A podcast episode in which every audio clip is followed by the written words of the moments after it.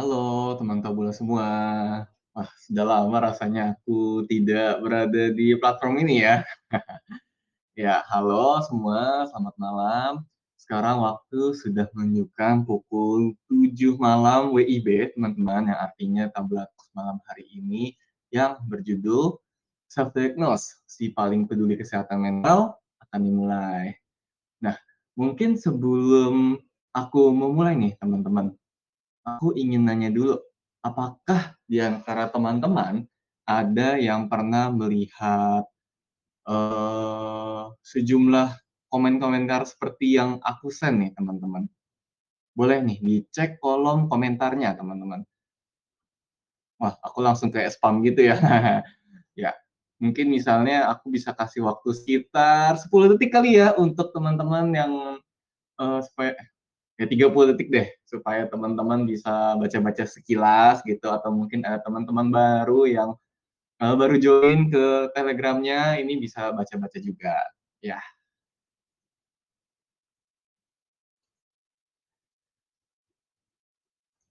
gimana nih teman-teman? Biasanya sih komen-komen seperti ini, eee, bisa teman-teman jumpai di sosial media ya teman-teman ya, misalnya kayak TikTok gitu, Instagram Reels, YouTube Shorts gitu, Facebook juga kadang mungkin ada gitu ya teman-teman ya. Nah Eee, ya mungkin ini bisa berhubungan juga dengan belakangan ini yang kayaknya tuh informasi seputar kesehatan mental itu, eee, lagi meningkat banget ya teman-teman ya, sesimpel seperti mengenai stres gitu, burnout gitu-gitu kayaknya itu jadi sesuatu yang sangat umum banget ya untuk kita dengar ya. Nah cuman di satu sisi informasi-informasi yang kayaknya itu cukup, eee, krusial gitu mungkin ya, seperti tentang gangguan kesehatan mental, tentang OCD, tentang kecemasan, anxiety, tentang depresi, itu juga kayaknya tuh lagi, eee, jadi di booming-booming-kan banget ya gitu oleh para pengguna medsos ini.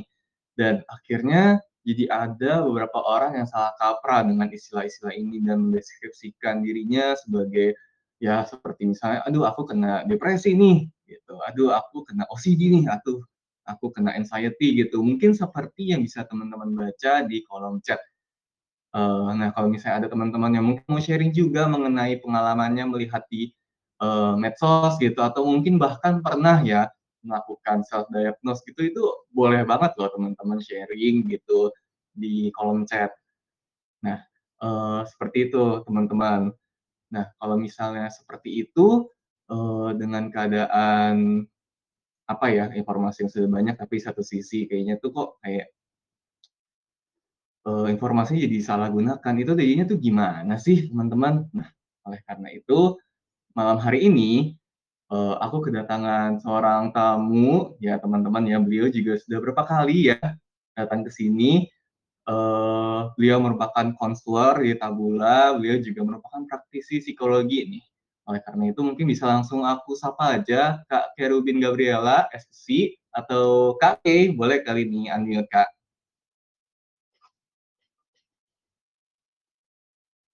Oh, Sudah di-allow to speak ya, Kak Kay ya? Halo, Kak. Hai, Oke, nah, halo, Kak.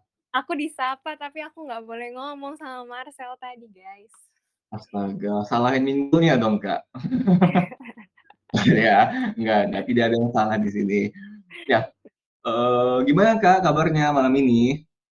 Baik, sehat-sehat walaupun Wah, di. BSD nih hujan agak hujan dan gluduk-gluduk gitu ya, jadi takut sinyalnya hilang-hilangan, tapi nggak apa, Mmm, aman mhm mhm. harusnya.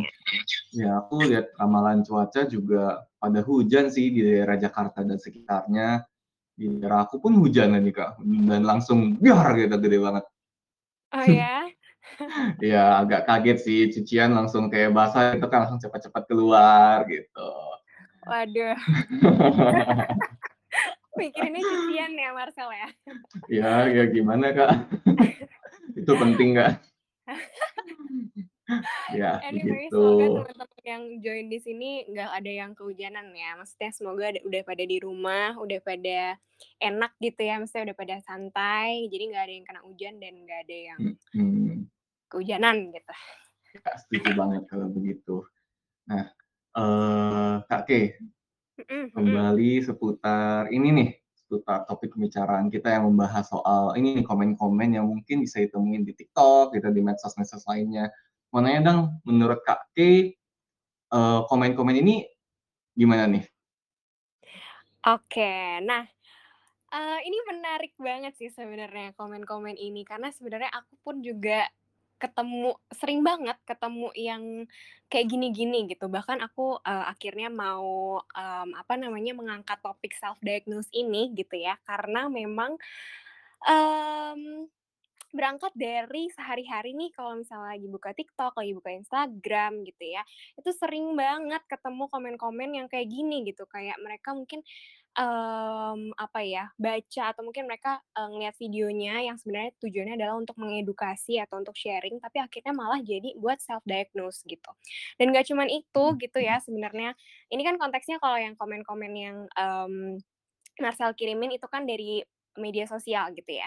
Tapi sehari-hari pun aku juga sering banget ketemu sama orang-orang yang, eee, jadi self diagnose gitu, entah mungkin di kantor, entah mungkin di tempat mana gitu. Jadi, eee, ini menarik banget gitu dan aku, eee, gimana ya, sebenarnya kan kalau kita melakukan self diagnose tuh bukan sesuatu yang tepat.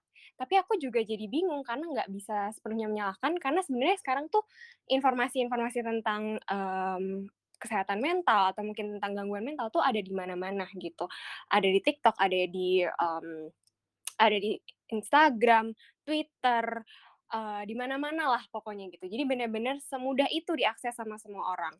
Atau bahkan sebenarnya yang menarik adalah aku akhir-akhir ini sering banget tuh ketemu kayak konten-konten yang justru memancing orang untuk self diagnose. Kayak misalnya, eee, konten TikTok atau reels gitu yang, Mhm. judulnya atau clickbait di depannya tuh adalah, mmm, "5 tanda kalau kamu mengalami depresi," gitu. Itu kayak sering banget ketemu Iya, gitu. Sering banget. Iya kan? Jadi kayak, mmm, nggak cuman, eee, orang-orang netizen-nya aja yang mungkin jadi self diagnose, tapi juga sebenarnya konten kreatornya tuh ada juga yang memancing untuk melakukan self diagnose gitu. Dan kalau ditanya self diagnose itu sebenarnya apa gitu ya, ya, eee, seperti yang kita tahu bersama itu adalah sebenarnya keadaan ketika kita memberikan label atau memberikan diagnosis gitu ya ke diri kita sendiri, dari diri kita sendiri, tanpa pengawasan atau mungkin tanpa diberikan sama profesional seperti psikolog, psikiater, atau mungkin dokter. Dan self diagnose ini sebenarnya kalau kita sekarang bahasnya mungkin lebih ke kesehatan mental ya, tapi ada juga orang-orang yang self diagnose dalam kea keadaan kesehatan fisik pun juga ada gitu. Jadi, mmm, ya bermacam-macam banget lah konteksnya gitu. Dan kalau ditanya, kapan aja sih sebenarnya kita tuh kayak disebut sebagai melakukan self diagnose gitu? Mmm, pertama, itu kalau kita misalnya baca di media sosial atau di mana pun gitu ya tentang, mmm, info-info gitu ya tentang gangguan mental tertentu gitu, terus akhirnya kita nyocok-nyocokin nih gejala-gejalanya sama apa yang kita alamin gitu misalnya. Nah itu udah termasuk self diagnose. Terus misalnya juga nih, kita punya temen, temennya kita cerita sama kita gitu misalnya, eee, "Iya nih gue akhir-akhir ini cemas," gitu, terus habis itu, eee, karena kita pernah baca nih gejalanya Misalnya anxiety disorder gitu, "Oh kayaknya lo anxiety disorder deh," gitu. Nah kayak gitu-gitu tuh juga termasuk self diagnose sebenarnya. Jadi maksudnya bisa ke diri kita sendiri Mmm, atau mungkin ke orang yang, eee, ada di sekitar kita atau teman kita gitu. Terus juga misalnya, eee, teman-teman nih aku nggak tahu sekarang masih ada banyak atau enggak, tapi dulu zaman-zaman aku masih SMA, itu tuh banyak tes-tes yang kayak kita bisa simply googling gitu ya, dan tes-tes psikologis ini nanti akan, mmm, apa ya, istilahnya dengan mudah gitu ya, mengeluarkan hasil berapa persen misalnya kita, eee, depresi, berapa persen kita apa gitu. Jadi kayak, i kalau misalnya kita ikut, mmm, apa ya, kayak semacam, eee, tes-tes psikologis yang sebenarnya kita nggak tahu nih valid nggak sih sebenarnya tesnya atau beneran nggak sih tesnya gitu di internet. Terus habis itu kita ikutin, hasilnya kita lihat dan kita percaya gitu ya, itu sebenarnya juga udah termasuk self diagnose. Nah, anyway, terkait yang tes ini gitu ya, maksudnya tes-tes psikologis di internet ini, aku punya suatu cerita yang menurut aku sebenarnya cukup unik dan menarik gitu ya. Waktu aku SMA, aku pernah punya teman gitu ya, eee, temanku ini, eee, entah gimana dia memang mungkin suka penasaran sama dirinya sendiri gitu. Suatu hari lagi di kelas gitu ya, dia, mmm, kayak ngikutin tes psikologi apa gitu di internet, aku lupa website-nya, eee, untuk mengukur seberapa psikopat dan sosiopat, eee, seseorang gitu. Udah pasti tesnya nggak mungkin akurat dong ya teman-teman gitu, maksudnya nggak mungkin valid gitu, tapi temenku ini ikutin dan, eee, hasilnya tuh kayak berapa persen kecenderungan psikopat, berapa persen kecenderungan sosiopat gitu. Nah, akhirnya temen aku nih percaya kalau misalnya dia tuh punya kecenderungan psikopat dan sosiopat gitu, dan dia kayak, "Duh, lo harus hati-hati sama gue, soalnya gue ada kecenderungan psikopat," kayak gitu. Jadi kayak karena dia ngikutin tesnya ini gitu ya, dia jadi percaya gitu, padahal sebenarnya tesnya belum tentu bener dan emang kayaknya sih nggak bener ya, nggak mungkin gitu kan, karena sesuatu yang kayak gitu kan pasti harus didiagnosis sama, mmm, profesional gitu. Ya kurang lebih itu sih mungkin kalau ditanya pendapat ya. Jadi nggak boleh ya teman-teman self diagnose. Iya, heeh. Berarti sebenarnya tuh kalau misalnya orang self diagnose tuh tadi mungkin ini kata kunci yang langsung aku ambil gitu ya, kayak intisarinya tuh berarti dia kayak cocok logi gitu ya? Oke, tapi tanpa, eee, ya bantuan apa, tanpa pengawasan profesional gitu, misalnya seorang psikolog gitu ya, Kak, ya? Iya, betul betul betul Mhm, betul. oke, cocokologi dengan berbagai, eee, ya deskripsi lah gitu, bisa itu di medsos gitu, atau di video-video 5 tanda kamu ge apa, depresi gitu ya, Kak, ya? Iya, bener banget. Oke, oke oke. Mhm. nah, Kak, mau nanya dong, Mhm. biasanya tuh self diagnose yang umumnya terjadi tuh kayak kayak gimana sih, Kak, contohnya? Oke, eee, contoh-contoh self diagnose gitu ya, ini yang mungkin Mhm. sering terjadi sehari-hari gitu ya, oke. Mhm. Sebenarnya aku sudah mengumpulkan beberapa contoh, ini paling sering aku temuin gitu ya. Jadi kayak mungkin top top 5 atau top 6 diagnosis yang sering banget nih disebut-sebut dan dipakai untuk self diagnose gitu. Oke, yang pertama, ini tadi aku udah baca juga di kolom chat, mmm, ada juga yang cerita kalau temennya suka self eee, pernah self diagnose terkait OCD gitu. Nah, ini paling sering banget aku ketemu juga gitu ya, eee, OCD, obsessive compulsive disorder gitu ya. Ini sering banget disebut-sebut bahkan di, eee, di TikTok atau mungkin di reels, di Instagram gitu, itu pun juga sering banget gitu ya, orang-orang yang nyebutin, "Kayaknya gue OCD deh, oh fix gue OCD," gitu. Karena, eee, orang-orang sering banget tuh yang kayak misalnya, mmm, dia suka rapi-rapi atau mungkin dia suka, nggak suka ngelihat hal-hal yang berantakan atau mungkin nggak sesuai dengan urutannya gitu ya. Kemudian, eee, "Ah, lu OCD banget sih," gitu. Pasti ada temennya yang kayak, "Ah, lu OCD banget," atau mungkin dia mengecap dirinya sendiri, "Iya, soalnya gue tuh OCD, gue tuh nggak bisa ngelihat yang berantakan." Nah, ini sering banget kejadian gitu. Padahal sebenarnya OCD itu tidak simply karena kita nggak kita suka rapi-rapi atau simply karena kita nggak betah ngelihat yang berantakan gitu. Itu jauh lebih kompleks lagi gitu OCD dan sering banget ini dipakai, aku sampai gemes sendiri gitu. Waktu itu pernah, mmm, kejadian waktu itu aku di kantor, terus habis itu adalah dengan teman-temanku di kantor, terus kayak, eee, dia bilang, "Iya, aku tuh orangnya suka OCD, aku tuh nggak suka ngelihat yang berantakan." Terus aku yang kayak, "Hey, it's not OCD, stop, jangan self diagnose, jangan semudah itu menggunakan kata OCD," gitu. Iya, Mhm jadi mhm. salah satunya tuh OCD, itu sering banget banget banget. Jadi jangan, eee, apa ya, jangan jangan mudah menggunakan kata OCD ya teman-teman, karena itu bukan simply karena kamu suka rapi-rapi ya, mungkin karena kamu orangnya suka rapi aja atau mungkin kamu, eee, perfeksionis aja gitu. Oke, anyway itu Mhm tadi mhm. yang pertama OCD. Terus yang kedua nih, aku sering juga ketemu orang yang, eee, contohnya dia bilang dia depresi gitu. Ini kalau yang depresi ini uniknya adalah yang ngomong tuh mulai dari yang seumuran kita gitu ya, masih, re apa namanya, dewasa dewasa awal, ada juga yang udah berusia gitu ya, kayak teman-temannya mami aku gitu ya, umurnya Eee, sering banget nih pakai kata, "Iya, eee, aku tuh depresi," gitu. Pernah suatu kali aku ketemu seseorang gitu ya, dia usianya memang lebih tua dari aku, terus, eee, dia tahu aku arah psikologi gitu, terus ketemu kayak, "Hai, apa kabar kamu? Tahu nggak sih kemarin tuh aku depresi," gitu. Terus aku kayak, "Hah? Eee, ini didiagnosis beneran sama psikolog?" Gitu. Eee, "Enggak enggak, aku cuman ngerasa kayaknya tuh kemarin aku stres banget sampai aku depresi," gitu. Padahal sebenarnya ya yang dia rasakan belum tentu itu benar-benar depresi dan untuk didiagnosis dek depresi pun sebenarnya kan, eee, apa ya, maksudnya ada ada syarat-syarat, ada gejala-gejala yang memang harus dipenuhi gitu. Ada standarnya dengan, mmm, apa namanya, kita sebutnya DSM-5 ya gitu. Ada syaratnya gitu, jadi nggak sembarangan. gitu. Jadi yang kedua tuh sering banget denger depresi gitu. Terus yang, eee, berikutnya juga sering banget nih akhir-akhir ini nih lagi hits banget tuh ADHD. Aku nggak tahu kenapa di, mmm, eee, TikTok page aku ini ketahuan banget ya gue anak TikTok, tapi anyway, ya aku sering buka TikTok. Tapi kayak aku lagi buka TikTok, terus abis itu di, mmm, apa namanya sebutannya, For Your Page ya, For You page.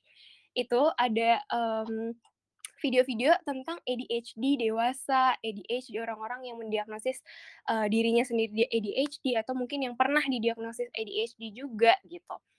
Mmm, tapi istilah ADHD ini juga sering banget disalahgunakan gitu, kayak sering banget nih aku ketemu orang-orang yang kayak, "Iya, gue tuh kayaknya ADHD, soalnya gue tuh suka gerak, gue tuh nggak bisa diam, gue tuh suka, eee, nggak bisa fokus," gitu. Padahal sebenarnya, eee, belum tentu emang dia ADHD, bisa jadi memang ya dia suka bergerak aja, orangnya kinestetik banget. Toh aku pun juga suka bergerak, guys, gitu. Jadi, mmm, ya itu yang berikutnya adalah tadi ADHD.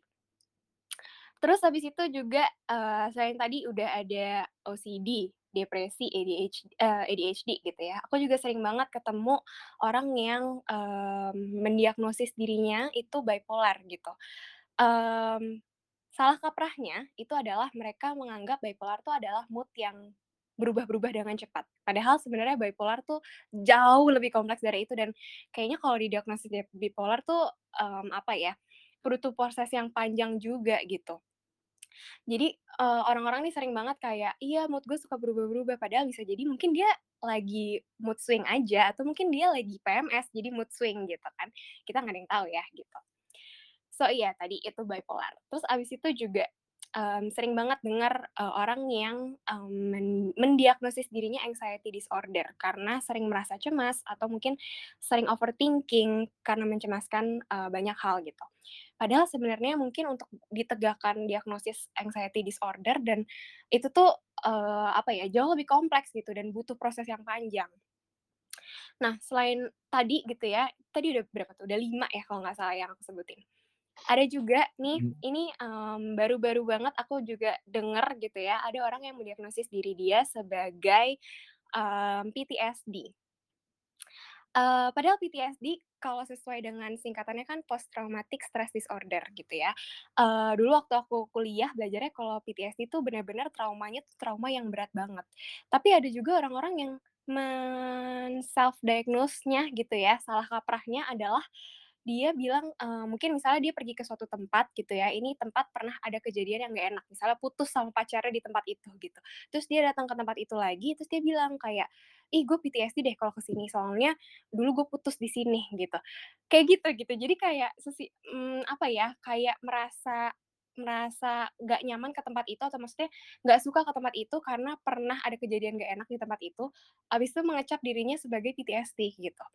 Jadi yang kayak gitu-gitu teman-teman, maksudnya itu contoh aja sih yang pernah aku temuin dan pernah aku lihat gitu ya. Aku pengen tahu juga sih sebenarnya nih teman-teman di sini kalau misalnya ada yang pernah denger, eee, contoh-contoh self diagnose lain gitu, boleh banget dong di eee, diceritain di chat gitu ya, karena aku pengen tahu banget, eee, ada apa lagi sih yang terjadi di luar sana gitu. Siapa tahu bisa kita bahas bareng-bareng juga. Iya, kalau Kak Kay membicarakannya apa yang terjadi di luar sana seakan-akan Kak Kay lagi terkurung ya, Kak, ya. Oh, enggak dong. Enggak enggak kan? Enggak, iya iya iya.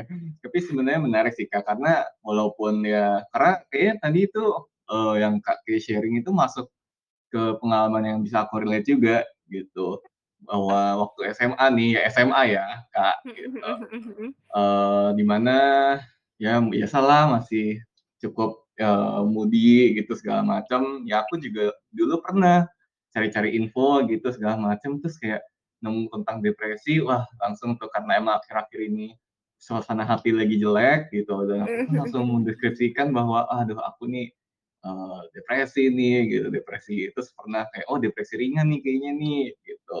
Dan sampai akhirnya, eee apa ya, kan waktu itu aku ada lagi ngobrol sama guru BK dan akhirnya ya udah guru BK-nya guru BK-nya ini mengarahkan kembali gitu dan itu membuat aku tertampar bahwa hal seperti ini tuh kayaknya tuh, eee, lumrah banget terjadi tapi pada tapi, eee, ya padahal seharusnya tuh ini nggak lumrah untuk terjadi gitu loh, Kak, gitu. Mhm.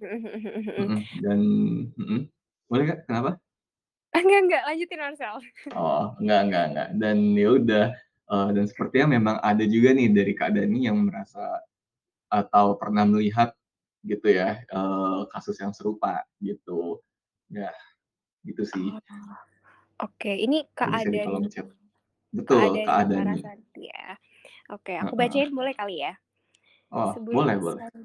oke. Salah satu contoh kasus yang aku tangani beberapa waktu lalu. Sebut saja A yang mendiagnosa dirinya depresi hanya karena dia menangis secara terus-menerus sepanjang hari. Setelah dicari tahu penyebabnya apa, rupanya bukan depresi yang dialaminya. Jadi karena self diagnose-nya yang dia lakukan memperparah kondisi mood-nya, dia yang membuat dia yakin ketika dia nangis, dia sedang depresi. Itu pemahaman yang salah ya teman-teman semuanya. Jadi self diagnose itu tidak baik dan sangat berbahaya. Karena self diagnose itu akan berakibat fatal untuk diri kalian ka kalian saat ini dan masa depan kalian. Oh iya bener banget bener banget. Thank you Kak Dani Kak Kak Dani. Dani, iya. Thank you Kak Dani Heeh. share-nya. Iya, tapi aku bener banget sih, maksudnya karena karena self diagnose gitu ya, akhirnya kayak percaya kalau dia tuh, mengalami gangguan itu gitu ya, akhirnya kayak jadi meyakini kalau, "Iya nih gue tuh kayak gini," gitu. Jadi akhirnya kayak ada kecemasan tersendiri atau mungkin jadi jadi memperburuk keadaan juga gitu. Jadi memang bener-bener bahaya sih untuk eee, kalau kita melakukan self diagnose. Ya dan ini sebenarnya juga terjadi ke aku sih, Kak, gitu. Nah, Oke. eee, ya aku kayak meyakini sehingga akhirnya memperparah keadaannya gitu. Dan Waduh, sebenarnya tuh orang-orang yang, eee, ya melakukan self diagnose ini tuh penyebabnya apa sih, Kak? Oke. Kayak kok mereka, eee, apa sih yang mendasari mereka mau untuk melakukan itu? Gitu. Oke oke oke oke. Ini tapi sebelum aku menjawab ya, Marcel udah nggak gitu lagi kan? Oh enggak dong, enggak enggak, kan? itu SMA udah udah diarahkan oleh, eee, guru BK-nya dulu, enggak Ah tidak dong, tidak tidak. ah, oke oke, bagus bagus bagus. Oke oke oke. Mhm. Oke. Oke, anyway, tadi, eee, pertanyaannya adalah kenapa ada orang-orang yang sering, eee, self diagnose gitu ya. Mhm. sebenarnya kalau dipikir-pikir pasti ada banyak hal yang menyebabkan orang jadi self diagnose, apalagi nowadays gitu ya, sekarang-sekarang ini kan, eee, kesehatan mental tuh lagi gencar-gencarnya ya teman-teman disuarakan di mana-mana gitu. Jadi, eee, makin banyak tuh orang-orang yang mungkin jadi ngelakuin self diagnose juga gitu. But anyway gitu ya, apa sih yang menyebabkan orang self diagnose gitu? Yang pertama gitu ya, karena memang balik lagi kayak tadi gitu ya, eee, yang isu-isu kesehatan mental tuh sekarang memang lagi booming banget di mana-mana gitu. Di media sosial kita buka Instagram apa gitu, udah muncul nih isu kesehatan mental. Di Twitter, di TikTok, di mana pun ada. Kita googling pun juga ada gitu.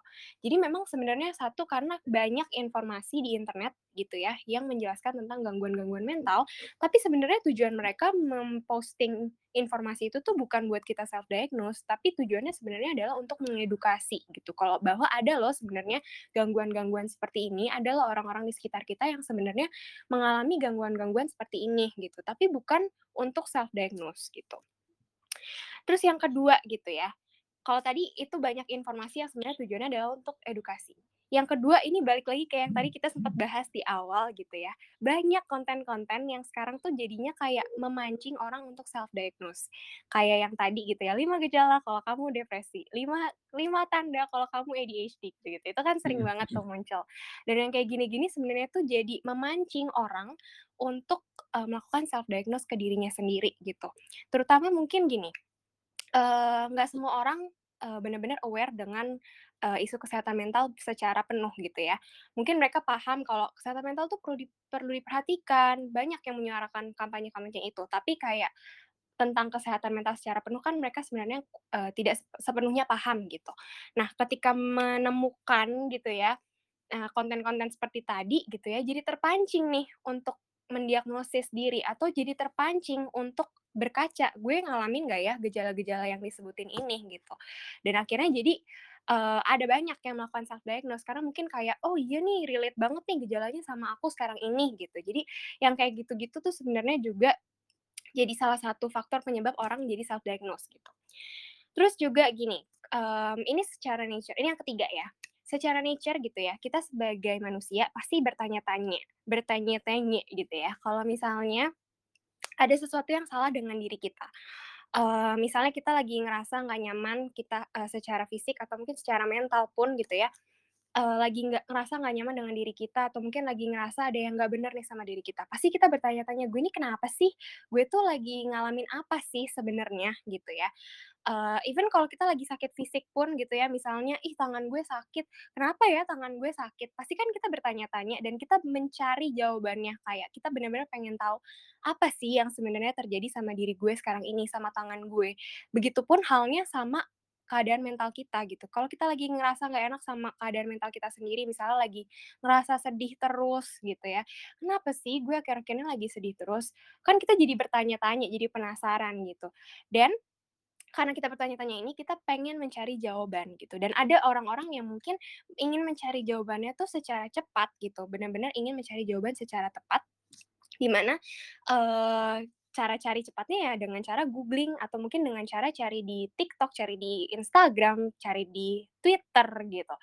Jadi benar-benar kayak, mmm, pengen cari jawaban cepat, akhirnya ketemu nih di internet, eee, misalnya sesimpel kita lagi ngerasa sedih terus, kita googling di eee, ya kita googling lah gitu ya, kita typing di search bar, "Kenapa aku merasa sedih terus?" Entar bisa muncul tuh kayak, mmm, iya ini tanda-tanda depresi, ini tanda-tanda ini ini ini, gitu kan. Jadi yang kayak gitu-gitu tuh sebenarnya juga menyebabkan kita jadi self diagnose gitu, karena kita pengen cari jawabannya secara cepat dan kita bisa mengakses itu dengan mudah juga, gitu.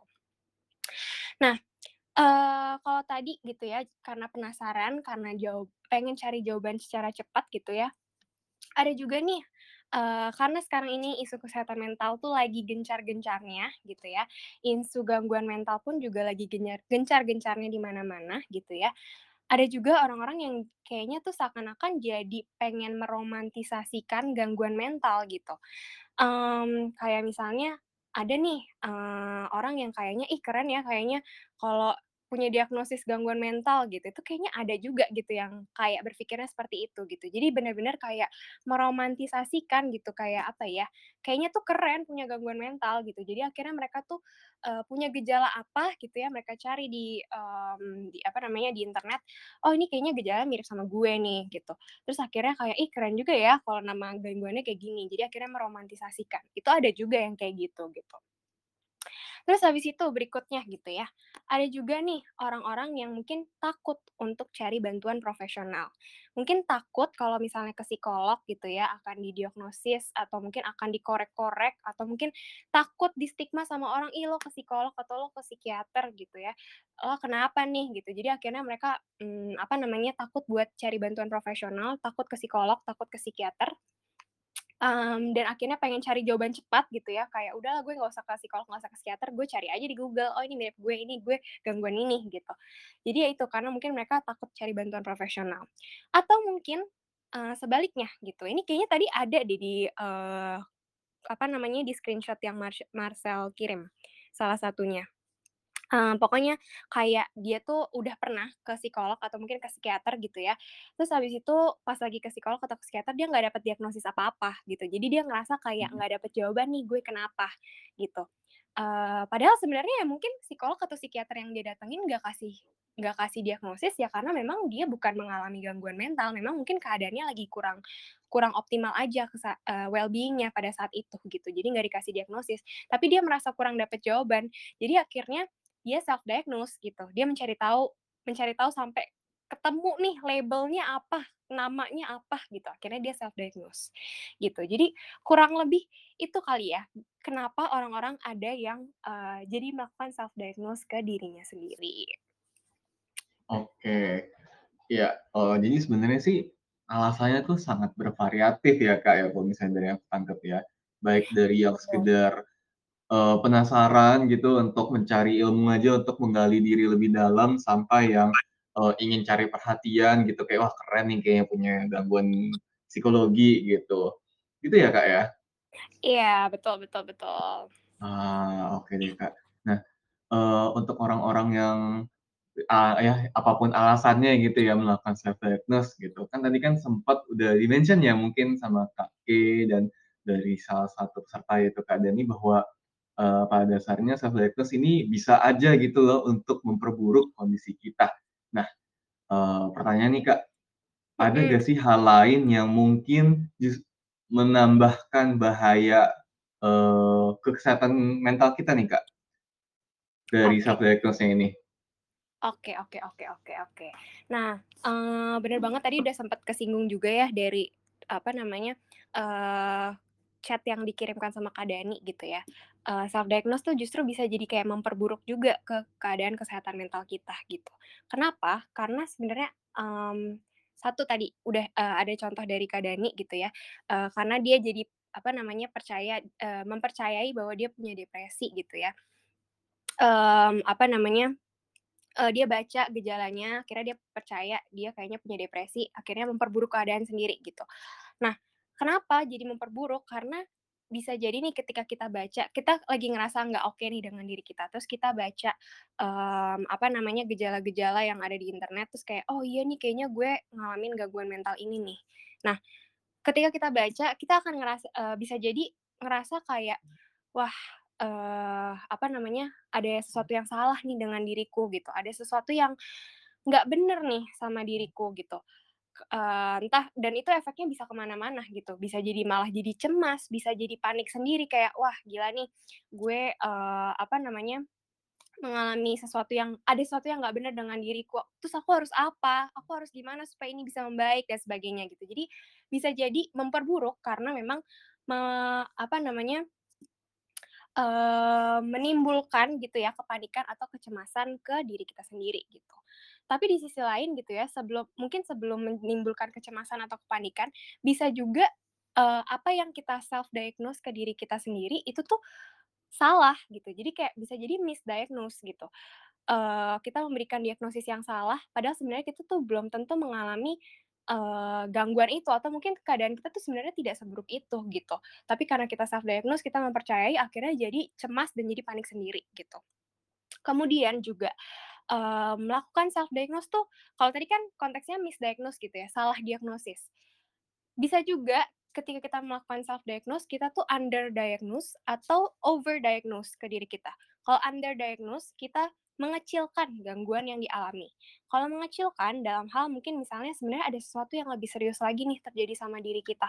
Mungkin, eee, keadaannya sebenarnya jauh lebih serius atau jauh lebih parah, tapi karena kita self diagnose berdasarkan apa yang kita temukan gitu di internet, eee, kita jadi mengecilkan nih diagnosis yang dialami gitu.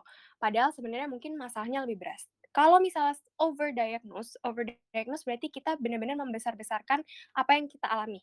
Jadi misalnya sebenarnya mungkin, ya mungkin keadaannya sepertinya sedih terus, stres terus, eee, apa namanya, murung terus gitu. Tapi mungkin bisa jadi ya mungkin karena lagi keadaannya kurang oke aja pada saat itu, eee, well-being kamu atau mungkin kesehatan mental kamu pada saat itu. Tapi kamu, eee, over diagnose gitu, eee, apa ya namanya, self diagnose terlalu berlebihan gitu. Jadi akhirnya kamu mungkin diagnosnya, "Iya aku depresi berat nih kayaknya," gitu. Jadi kayak membesar-besarkan, eee, apa yang sebenarnya terjadi sama diri kita. Dan akhirnya balik lagi kayak tadi gitu ya, jadinya panik atau jadi cemas sendiri. Atau mungkin karena kita punya, eee, karena kita mengecap diri kita dengan label diagnosis tertentu gitu ya, jadinya kita, eee, merasa kayak rendah diri gitu, kayak, "Aduh kayaknya gue udah gue udah bukan gue lagi nih," atau, "Gue udah bukan gue yang optimal lagi nih karena, eee, gue punya kelemahan nih, gue punya kelemahan berupa gangguan mental nih." Padahal sebenarnya belum tentu kamu benar-benar, eee, mengalami gangguan mental itu gitu. Jadi ya itu gitu ya, bisa jadi karena under diagnose, over diagnose, atau mungkin misdiagnose yang akhirnya menimbulkan kepanikan sendiri, kecemasan sendiri, atau mungkin jadi kayak kita jadi ngerasa rendah diri atau jadi ngerasa buruk ke diri kita sendiri gitu. Nah, bisa juga nih ya, kalau misalnya kita melakukan self diagnose gitu. Eee, bisa juga kita jadi misleading. Misleading-nya ke diri kita sendiri gitu ya, kita jadi bener-bener yakin nih, "Ih, gue tuh, eee, gangguan mental ini loh," gitu. Misleading gitu kalau kita tuh mengalami suat sesuatu gangguan yang sebenarnya mungkin kita nggak alamin gitu. Atau mungkin jadi misleading kalau kita pergi ke psikolog atau psikiater. Jadi contohnya gini misalnya, Mmm, misal kamu baca-baca gitu ya, terus kayak, "Ih, kayaknya gue ini deh, mmm, depresi deh, soalnya gue gini gini gini gini. Oh, iya juga nih, ada gejala A, gejala B, gejala C. Iya nih, kayaknya yang gejala C gue juga ngalamin sih kayaknya," gitu. Dan akhirnya kamu meyakini kalau kamu tuh mengalami gangguan itu, dan kamu meyakini kalau kamu mengalami gejala-gejala itu juga. Akhirnya misalnya kamu udah memberanikan diri untuk ke psikolog atau psikiater, pas lagi cerita ke psikolog atau psikiaternya, kamu menjelaskan atau menceritakan keadaan yang sebenarnya mungkin nggak terjadi-terjadi banget atau mungkin nggak terjadi sama kamu, tapi kamu menjelaskan hal-hal yang sebenarnya kamu yakinin aja gitu. Pusing nggak sih denge eee, bahasanya? Jadi intinya gini, misalnya kamu, mmm, apa ya gejalanya, misalnya Mmm, contohnya depresi deh gitu misalnya ya. Terus, eee, di gejala depresi misalnya ada nih, jadi susah merasa bahagia akan banyak hal, tapi sebenarnya kamu masih bisa-bisa aja happy gitu, maksudnya, eee, masih bisa merasakan kebahagiaan gitu. Tapi karena kamu meyakini gitu ya, Eee, kan dengan apa yang kamu baca, kamu jadi kayak pas lagi cerita ke psikolognya, "Iya, aku jadi susah merasa bahagia," gitu. Padahal sebenarnya kamu nggak ngalamin itu, gitu. Jadi kayak misleading lah, gitu. Kamu misleading, kamu mempercayai, meyakini, menghidupi gejala-gejala yang kamu baca, bukan yang sebenarnya kamu rasakan, gitu. Jadi bahayanya itu ya, kalau ke diri sendiri tadi, gitu. Tapi bisa juga gitu ya, kalau ini secara kalau tadi kan ke diri sendiri, kalau ini mungkin lebih ke secara umum gitu. Mmm, dengan melakukan self diagnose, karena banyak nih orang yang jadi ngelakuin self diagnose gitu ya, kita tuh jadi seakan-akan kayak mengecilkan atau tidak menghargai diagnosis gangguan mental gitu. Kayak kok kesannya gangguan mental tuh B aja sih, kayak it happens, itu common terjadi di sekitar kita, gitu. Karena kita sering banget ngelakuin self diagnose ke diri kita, semua orang hampir semua orang melakukan self diagnose. Kamu bayangin kalau misalnya semua orang melakukan, eee, self diagnosis abis itu mereka percaya, "Iya nih gue gue ADHD, gue depresi, gue ini gue ini," gitu. Kan semua orang jadi kayak, apa ya, kayak normalize gitu, kayak, eee, "Iya ini tuh sebenarnya nggak nggak serius," gitu. Ada banyak yang terja eee, maksudnya Menormalisasikan yang sesuatu yang sebenarnya nggak normal atau mungkin sesuatu yang sebenarnya harus dianggap serius gitu.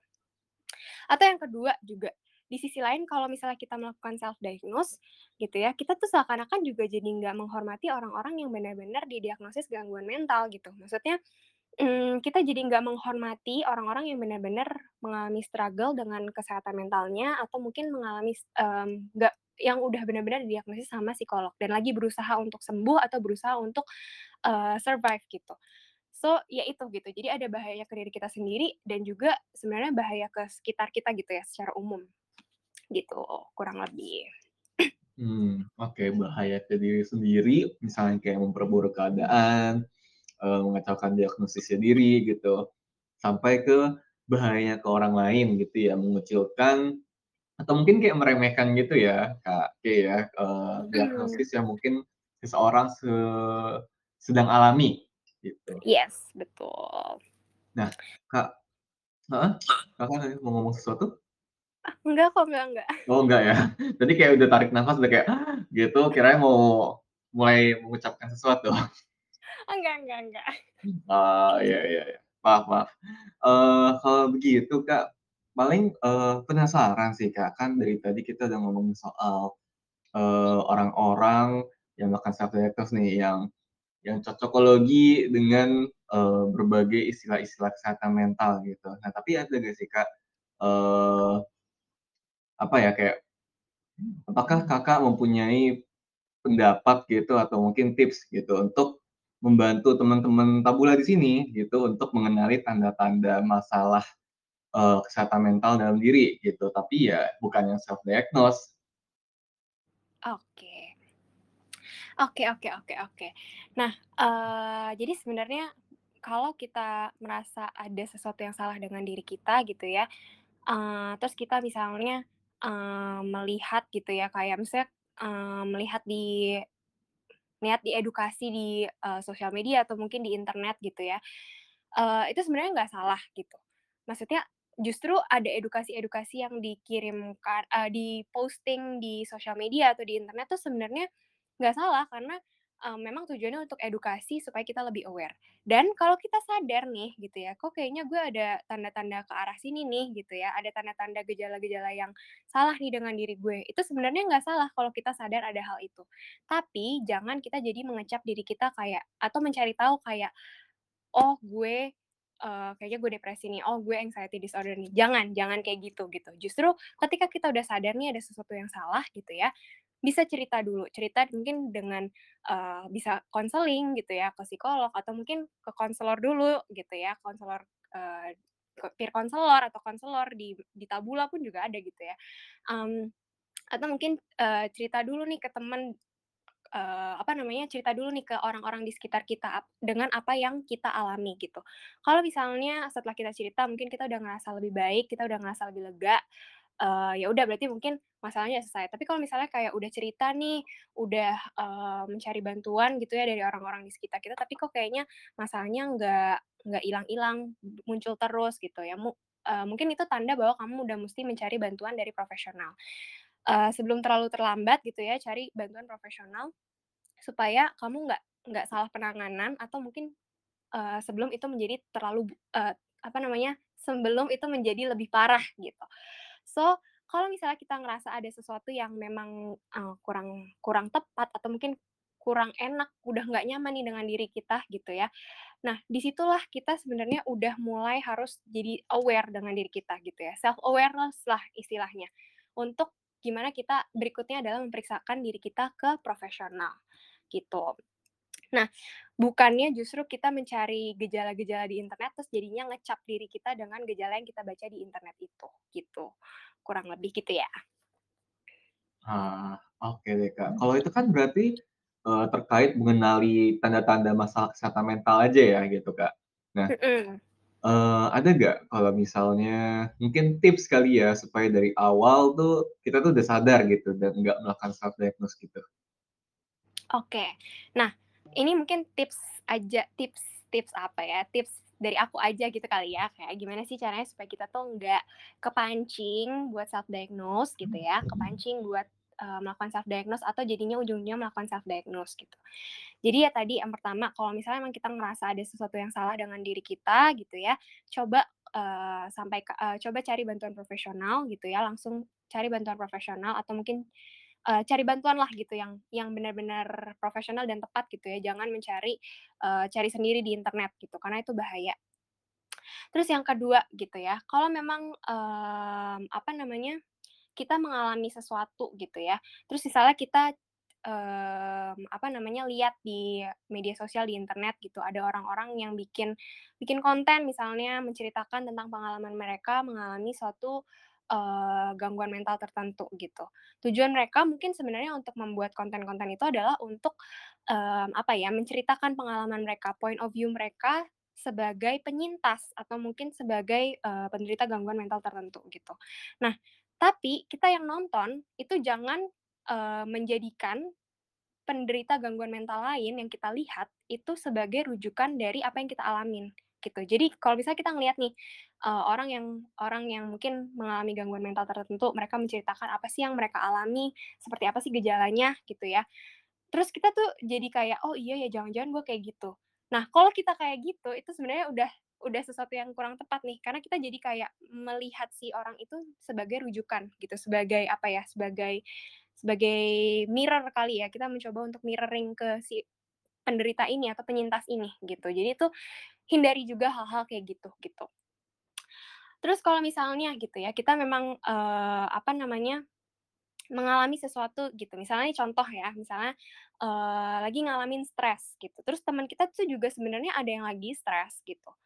Terus habis itu kita jadi mikir nih, kok gue stres sampai nggak bisa tidur, nggak bisa makan, gue stres sampai nangis-nangis terus, tapi kok temen gue dia juga stres sih sebenarnya, beban dia juga sama, tapi kok dia nggak seburuk gue ya, gitu. Jadi kayak istilahnya membandingkan diri kita sama orang lain gitu. Nah, ketika kita bandingin sama orang lain, kita jadi berefleksi, apa jangan-jangan gue, eee, mengalami masalah yang lebih parah ya, kalau ceritanya kayak contoh yang aku sebutin tadi, misalnya temennya stres, terus guenya juga stres, terus habis itu jadi kayak, eee, apa namanya, "Kok gue lebih parah ya? Jangan-jangan gue kenapa-napa nih, jangan-jangan gue ada disorder nih, sedangkan dia nggak ada gitu. Nah, ketika kita membandingkan tadi ini gitu ya, itu jadi memunculkan pikiran-pikiran, "Oh, jangan-jangan gue ada ada gangguan gangguan tertentu nih. Nah, karena ada gangguan-gangguan ini, jangan-jangan gue ini nih." Terus akhirnya mulailah googling, mulailah cari tahu sendiri, "Oh, jangan-jangan gue depresi nih, jangan-jangan gue ini nih." Gitu. Jadi kayak tadi gitu ya, eee, apa namanya, jangan bandingin gejala yang kita alami sama orang lain gitu. Terus yang terakhir juga, jangan isi self test yang ada di internet gitu teman-teman. Eee, kayaknya tuh aku nggak tahu ya sekarang masih banyak atau enggak, tapi kayak dulu tuh banyak gitu kayak, Ya. mmm, ngetes seberapa stres, seberapa depresi tuh pasti banyak gitu di internet. Jadi, eee, yang kayak gitu-gitu jangan sebaiknya dihindari gitu. Kalau kita udah ngerasa ada sesuatu yang salah sama diri kita, ya udah cari bantuan profesional. It's good kalau kamu aware ada sesuatu yang salah sama diri kamu, it's really good berarti kamu aware dengan keadaan mental eee, kesehatan mental kamu gitu.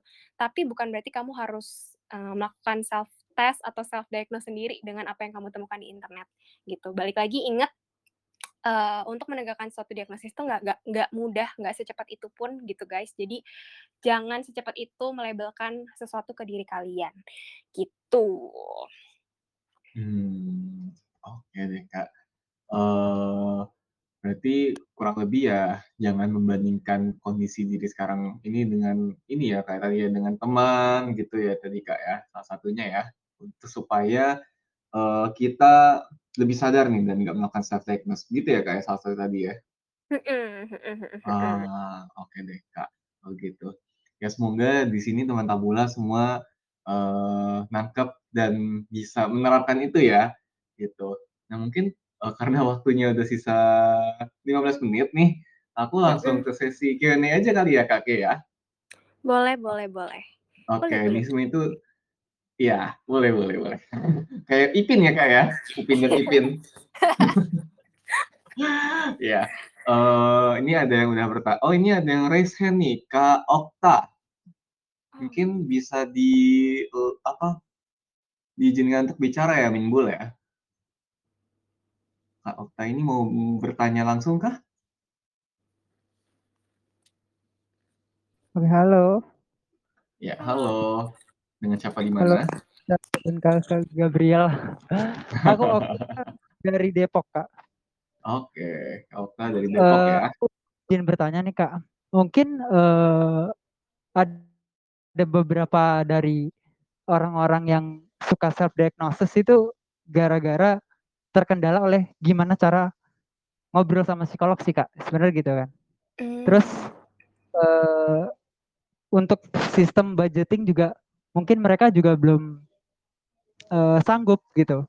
Karena dulu waktu pas saya pertama kali, eee, budgeting, eee, ke psikolog itu hampir kena 350 ada gitu, untuk 1 kali sesi gitu.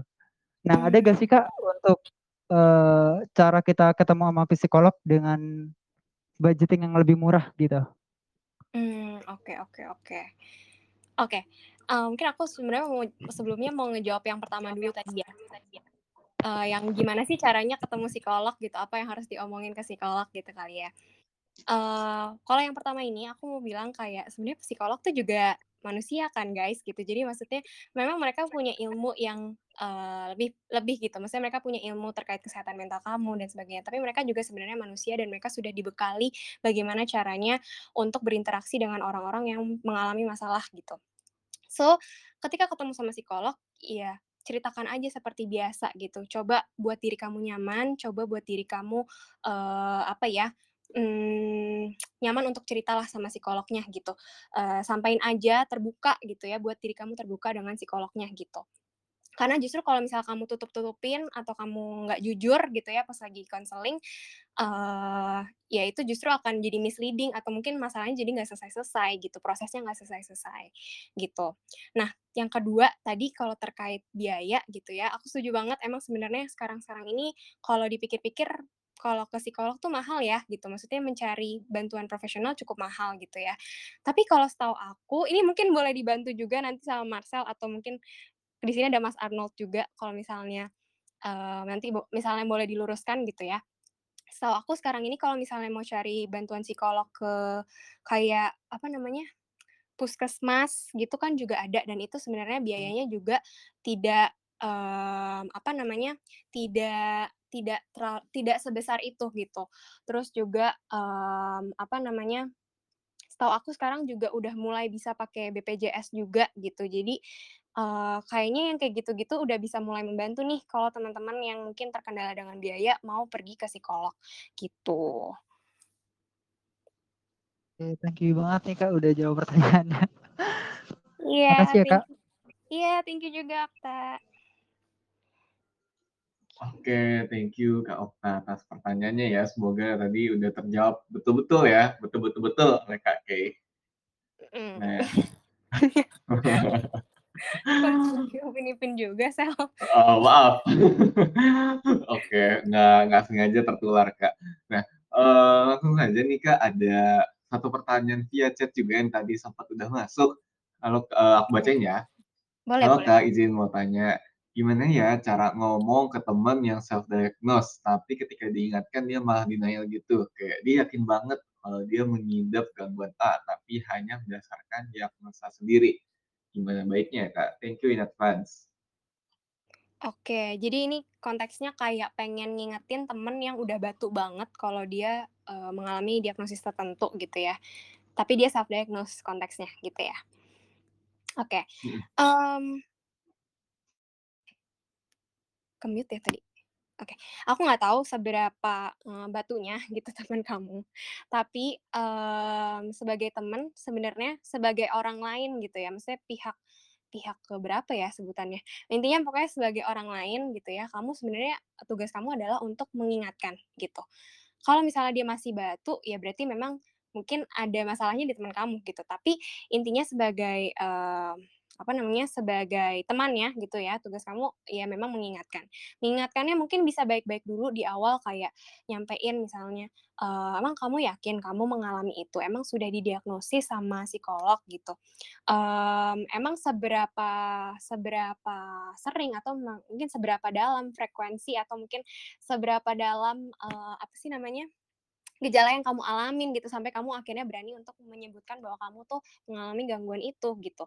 Jadi, eee, kalau dari aku mungkin caranya menanyakan atau mengingatkan, kalau misalnya mengingatkan baik-baiknya tuh udah nggak mempan lagi gitu, biasanya aku akan nanyain pertanyaan-pertanyaan yang sifatnya tuh kayak menantang atau reflektif ke si temenku ini gitu. Jadi kayak gimana ya, istilahnya menantang, "Bener nggak sih lo mengalami ini? Emang seberapa dalam, seberapa jauh lo mengalami ini?" Gitu. Jadi intinya kayak mencoba, mmm, ngajak si orang ini mikir gitu. Jadi kayak menantang lah istilahnya menantang gitu. Sampai akhirnya mungkin dia akan mikir kayak, "Oh iya juga ya setelah gue pikir-pikir nih, gue ternyata gejalanya tidak sedalam itu atau sejauh itu," gitu. Jadi kayaknya gue salah nih kalau self diagnose gitu. Jadi bisa kayak gitu tadi atau mungkin ya, eee, apa namanya, diingetin baik-baik atau mungkin yang kedua tadi kalau udah, eee, apa namanya, udah bebal banget, udah batu banget, ya biasanya aku akan ngajak untuk berefleksi.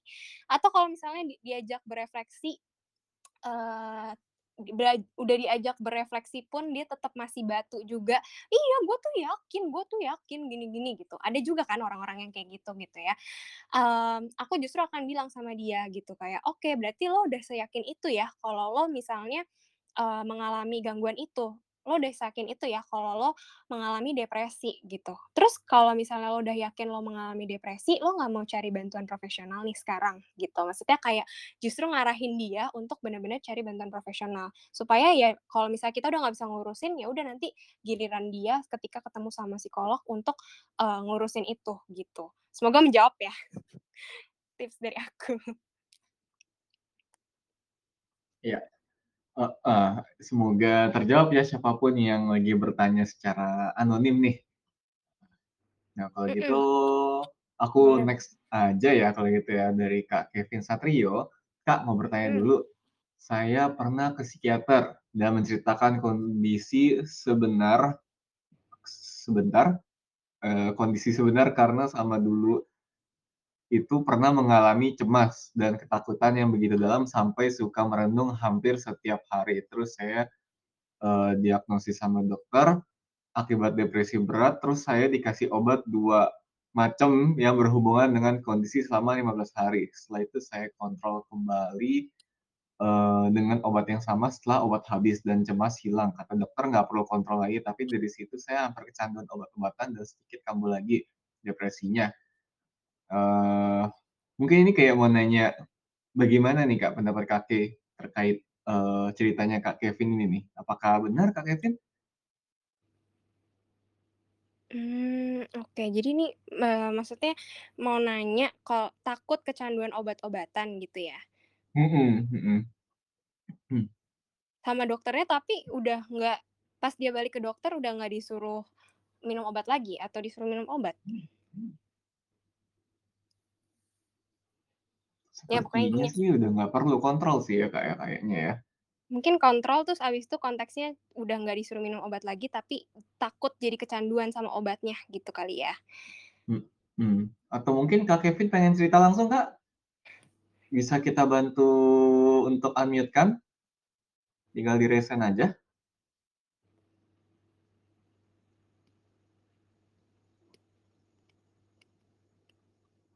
Oke, sepertinya mungkin belum dulu ya.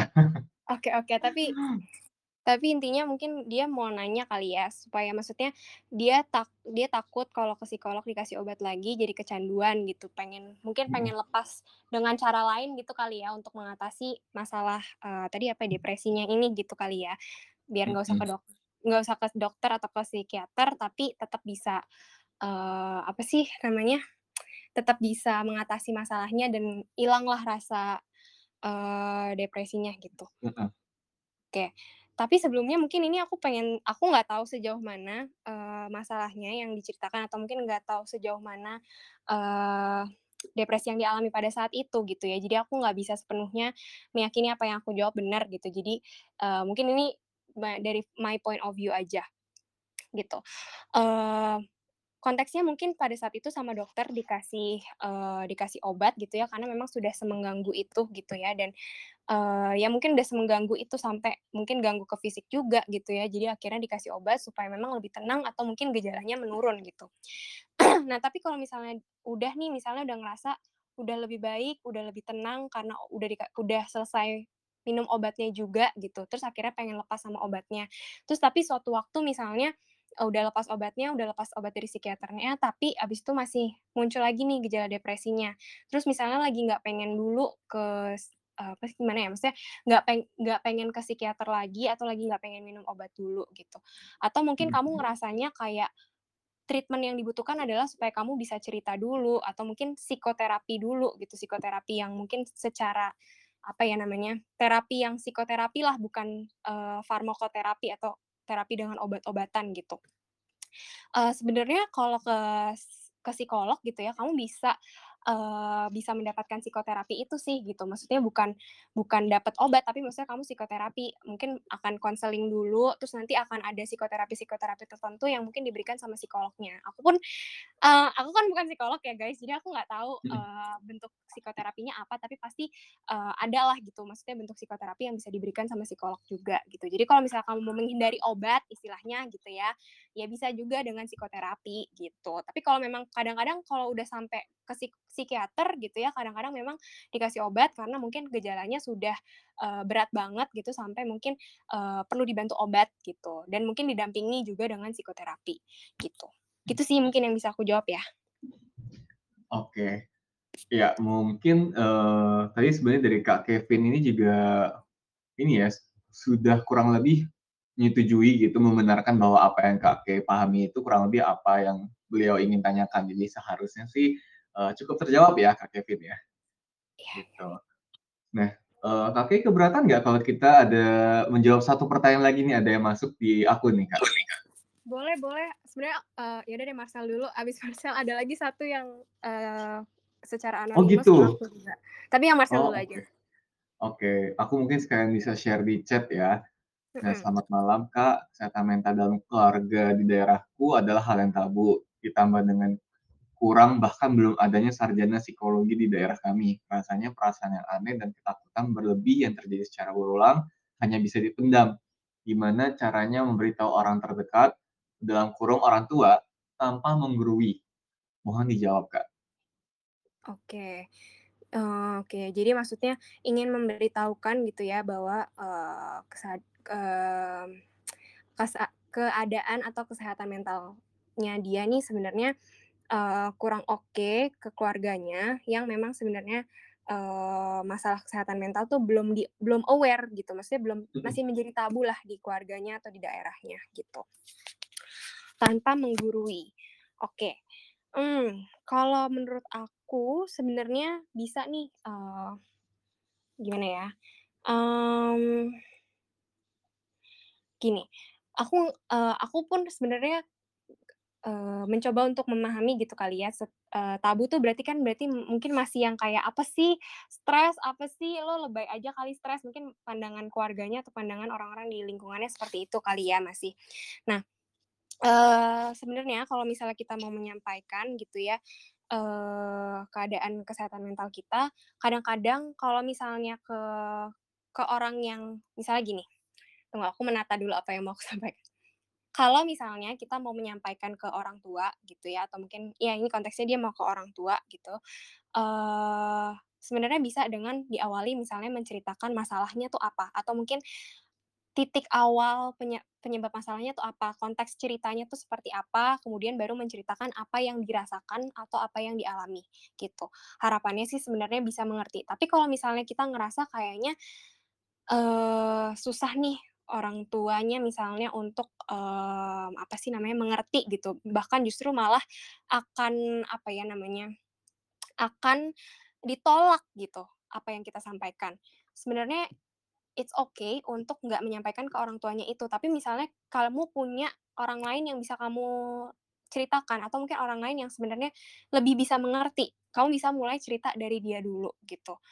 Nah, eee, tapi kalau misalnya balik lagi gitu ya, mau menceritakan ke orang tuanya dulu gitu ya, eee, mungkin konteks menceritakannya diawali dengan menceritakan apa yang keadaannya seperti apa, habis itu baru kamu menceritakan point of view kamu atau mungkin perasaan kamu yang mengalami itu gitu. Itu juga sebenarnya bisa kayak gitu. Mungkin kurang lebih itu sih yang bisa aku, apa sih namanya, bisa aku utarakan gitu. Jadi kalau misalnya, eee, ada yang, eee, mungkin dari Kak Arnold atau ada teman-teman profesional lainnya di sini yang, mmm, punya point of view lain, boleh banget dibantu jawab buat pertanyaan ini gitu. Terus, ah, Mhm. iya, heeh. Oke. Ya, mmm, ya semoga dari Kakaknya tadi terjawab ya, Kak Anonymous yang sudah bertanya ke aku. Nah mungkin bisa langsung apakah Kakak mau melanjutkan tadi masih ada 1 ya, Kak, ya dari Kakak sendiri? Iya, tadi ada yang, eee, personal chat ke aku, eee, apa namanya, mmm, ya, ada yang personal chat ke aku, mmm, Mhm. mungkin dia mau dibacakan secara anonimus aja gitu ya. Mhm. Eee, pertanyaannya gini, "Apakah ada kriteria untuk kapan sih kita ha eee, atau seseorang harus ke psikolog? Terus kalau emang ada, gimana sih caranya menumbuhkan rasa percaya ke psikolog untuk bisa trust gitu ke psikolognya?" Gitu.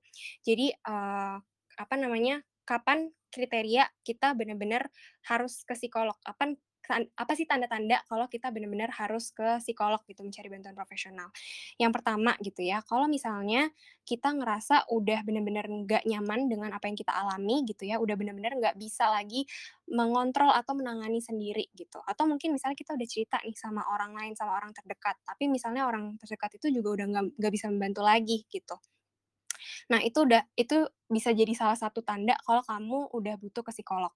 Atau misalnya, eee, gejala yang kamu alami atau misalnya masalah yang kamu alami sehari-hari ini tuh udah bener-bener, apa ya namanya, udah bener-bener, mmm, mengganggu fungsi kamu sehari-hari sebagai seorang manusia. Fungsi ini dalam arti produktivitas atau mungkin cara kamu menjalani kamu eee, kehidupan kamu sehari-hari dan sebagainya gitu. Mmm, itu juga bisa jadi tanda kalau kamu mungkin udah, eee, butuh bantuan psikolog gitu. Eee, dan sebenarnya kalaupun kita cuman pengen lebih kenal sama diri kita atau mungkin kita pengen lebih, apa ya, pengen lebih kenal lah atau pengen cerita gitu, eee, sebenarnya ke psikolog tuh nggak masalah gitu, maksudnya cari bantuan psikolog pun nggak masalah gitu, pasti akan dibantu juga, nggak ada nggak ada nggak ada kriteria-kriteria khusus juga gitu. Terus yang kedua, kalau misal gimana caranya menumbuhkan rasa percaya ke psikolog, eee, untuk bisa trust ke psikolognya gitu. Mmm, kalau ditanya gimana caranya supaya bisa percaya gitu ya, aku paham banget bahwa sebenarnya pasti ada orang-orang yang nggak semudah itu untuk terbuka sama orang baru. Ada juga mungkin orang-orang yang kayak, mmm, apa ya, musti ngelihat tipe orangnya dulu nih, tipe psikolognya dulu nih, orangnya kayak gimana sih, baru gue bisa percaya gitu. Itu pasti ada juga kan yang kayak gitu, gitu. Dan sebenarnya Eee, kalau aku boleh bilang, kadang kalau ke psikolog pun juga kayaknya tuh cocok-cocokan gitu. Maksudnya belum tentu kamu ke psikolog yang satu hari ini, terus kamu udah ngerasa sepenuhnya cocok sama dia gitu. Eee, ya it's okay kalau misalnya kamu belum merasa cocok dan mau ganti ke psikolog lain pun itu sebenarnya nggak apa-apa gitu. Tapi gimana cara mulai menumbuhkannya, eee, gimana cara mulai menumbuhkan rasa percaya atau mencoba membuka diri gitu ya ketika lagi konseling atau lagi ketemu psikolog adalah ya harus dari kamunya dulu gitu. Maksudnya mencoba untuk membuka diri, membuka diri dan merasa percaya. Karena sebenarnya kalau ke psikolog pun, psikolog tuh nggak akan nyebarin cerita kamu ke orang lain gitu. Maksudnya mereka sudah disumpah dengan kode etik pun uh, harus menjaga kerahasiaan dari apa yang kamu ceritakan gitu. Jadi percaya bahwa ceritanya nggak akan tersebar ke mana-mana, mencoba untuk membuka diri, meyakinkan bahwa memang ini tuh safe place, safe place kamu buat cerita gitu. Mungkin itu sih yang bisa aku uh, sampaikan untuk uh, apa namanya untuk aku sampaikan sekarang ini gitu. Oke baik, uh, berarti dengan Kak Kay menjawab pertanyaan barusan seharusnya uh, pertanyaannya udah habis ya Kak ya harusnya untuk sejauh ini. Iya ya, sepertinya nah. ya. nah tapi tenang aja ya Kak ya, uh, kalau misalnya ada teman-teman yang masih ingin bertanya nih, karena kayaknya tuh waktunya kurang ya, kalau misalnya teman-teman dari tadi kayaknya banyak amat yang mau bertanya nih, itu masih diperbolehkan untuk bertanya via kolom chat hingga pukul setengah delapan ya, Kak ya? Setengah sembilan kali, kali Kak. Eh, iya, maaf, mohon banget. Ya, mohon maaf banget. Setengah sembilan, dua puluh tiga puluh. Terima kasih Kak K sudah mengingatkan. Oke, oke. Nah, mungkin dari kakek ada ingin menambahkan kata-kata penutup gitu nggak sebelum aku tutup sesinya? Oke, um, kata penutupnya paling ya tadi sih balik lagi gitu ya teman-teman seperti topik hari ini. Jadi, uh, jangan self diagnose gitu ya. Kalau misalnya memang kamu merasa ada sesuatu yang salah dengan diri kamu, ya it's okay, berarti kamu aware dengan keadaanmu, tapi bukan bukan untuk melakukan self diagnose atau mencari-cari, uh, informasi sendiri yang jadi ujung-ujungnya kamu self diagnose gitu. Uh, cari bantuan profesional gitu ya, uh, cari bantuan yang tepat uh, cari bantuan ke tempat yang tepat gitu ya. Jangan jangan mencoba menerka-nerka atau mencoba mencari tahu sendiri karena belum tentu itu benar gitu. Belum tentu apa yang kamu rasakan kamu sudah paham sepenuhnya. Kadang kita juga butuh point of view orang lain atau point of view mungkin orang yang lebih profesional yang lebih mengerti gitu ya tentang keadaan kita gitu. Jadi jangan self diagnose ya guys dan kalau kalian konten kreator juga jangan bikin konten-konten yang memancing self diagnose ya. Nggak, canda-canda. Iya gitu. So jangan self diagnose ya guys. Um, semoga uh, pesan-pesannya tersampaikan hari ini. Thank you semuanya. Oke. Thank you Marcel. Ya, thank you juga Kak Ke atas kata penutupnya ya. Kalau dari aku kata penutupnya cuma betul betul betul apa yang sudah katakan. nah, uh, mungkin sebelum tabula toksi aku tutup, aku ingin mengucapkan sedikit pengumuman, yang memberikan sedikit pengumuman. Jadi nanti di kolom chat akan aku berikan sebuah link yang akan bisa teman-teman isi ya. Itu sebuah formulir yang bisa teman-teman isi untuk mendapatkan sertifikat acara. Nah, bisa diisi sebelum Sabtu besok ya pukul jam 12 siang WIB gitu. Jadi kalau misalnya malam ini sampai besok siang gitu teman-teman masih bisa isi gitu. Nah, selain itu di Tabula juga ada program konseling nih ke konselor profesional atau ke psikolog profesional gitu. Nah kalau misalnya teman-teman yang tertarik untuk mengikutinya, boleh banget uh, nanti bisa daftar di link yang akan aku kasih. Seandainya nih, tadi kan ada yang uh, kebingungan nih untuk mencari bantuan profesional yang apa namanya, yang lebih affordable, lebih terjangkau. Nah, Tabula Talks ini memberikan solusinya nih. Jadi di sini uh, Tabula bisa memberikan dua free sesi counselingnya uh, bersama konselor Tabula selama 45 menit. Caranya gimana? Follow akun tabula.id di Instagram, post di Instastory manfaat yang teman-teman dapatkan selama mengikuti Tabula Talks, kemudian tag akun tabula.id dan tag tiga teman kamu yang uh, dirasa akan mendapatkan manfaat dari Tabula Talks-nya. Nah, pemenangnya akan diumumkan dan dihubungi oleh admin Tabula melalui direct message Instagram.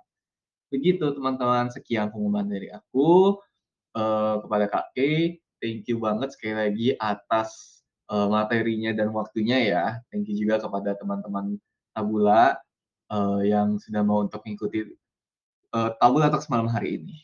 Begitu kalau dari aku. Jadi, uh, see you next meeting ya teman-teman ya. Sampai jumpa di Tabula Talks berikutnya. Thank you, Marcel. Thank you, teman-teman. Oke, ya thank you teman-teman.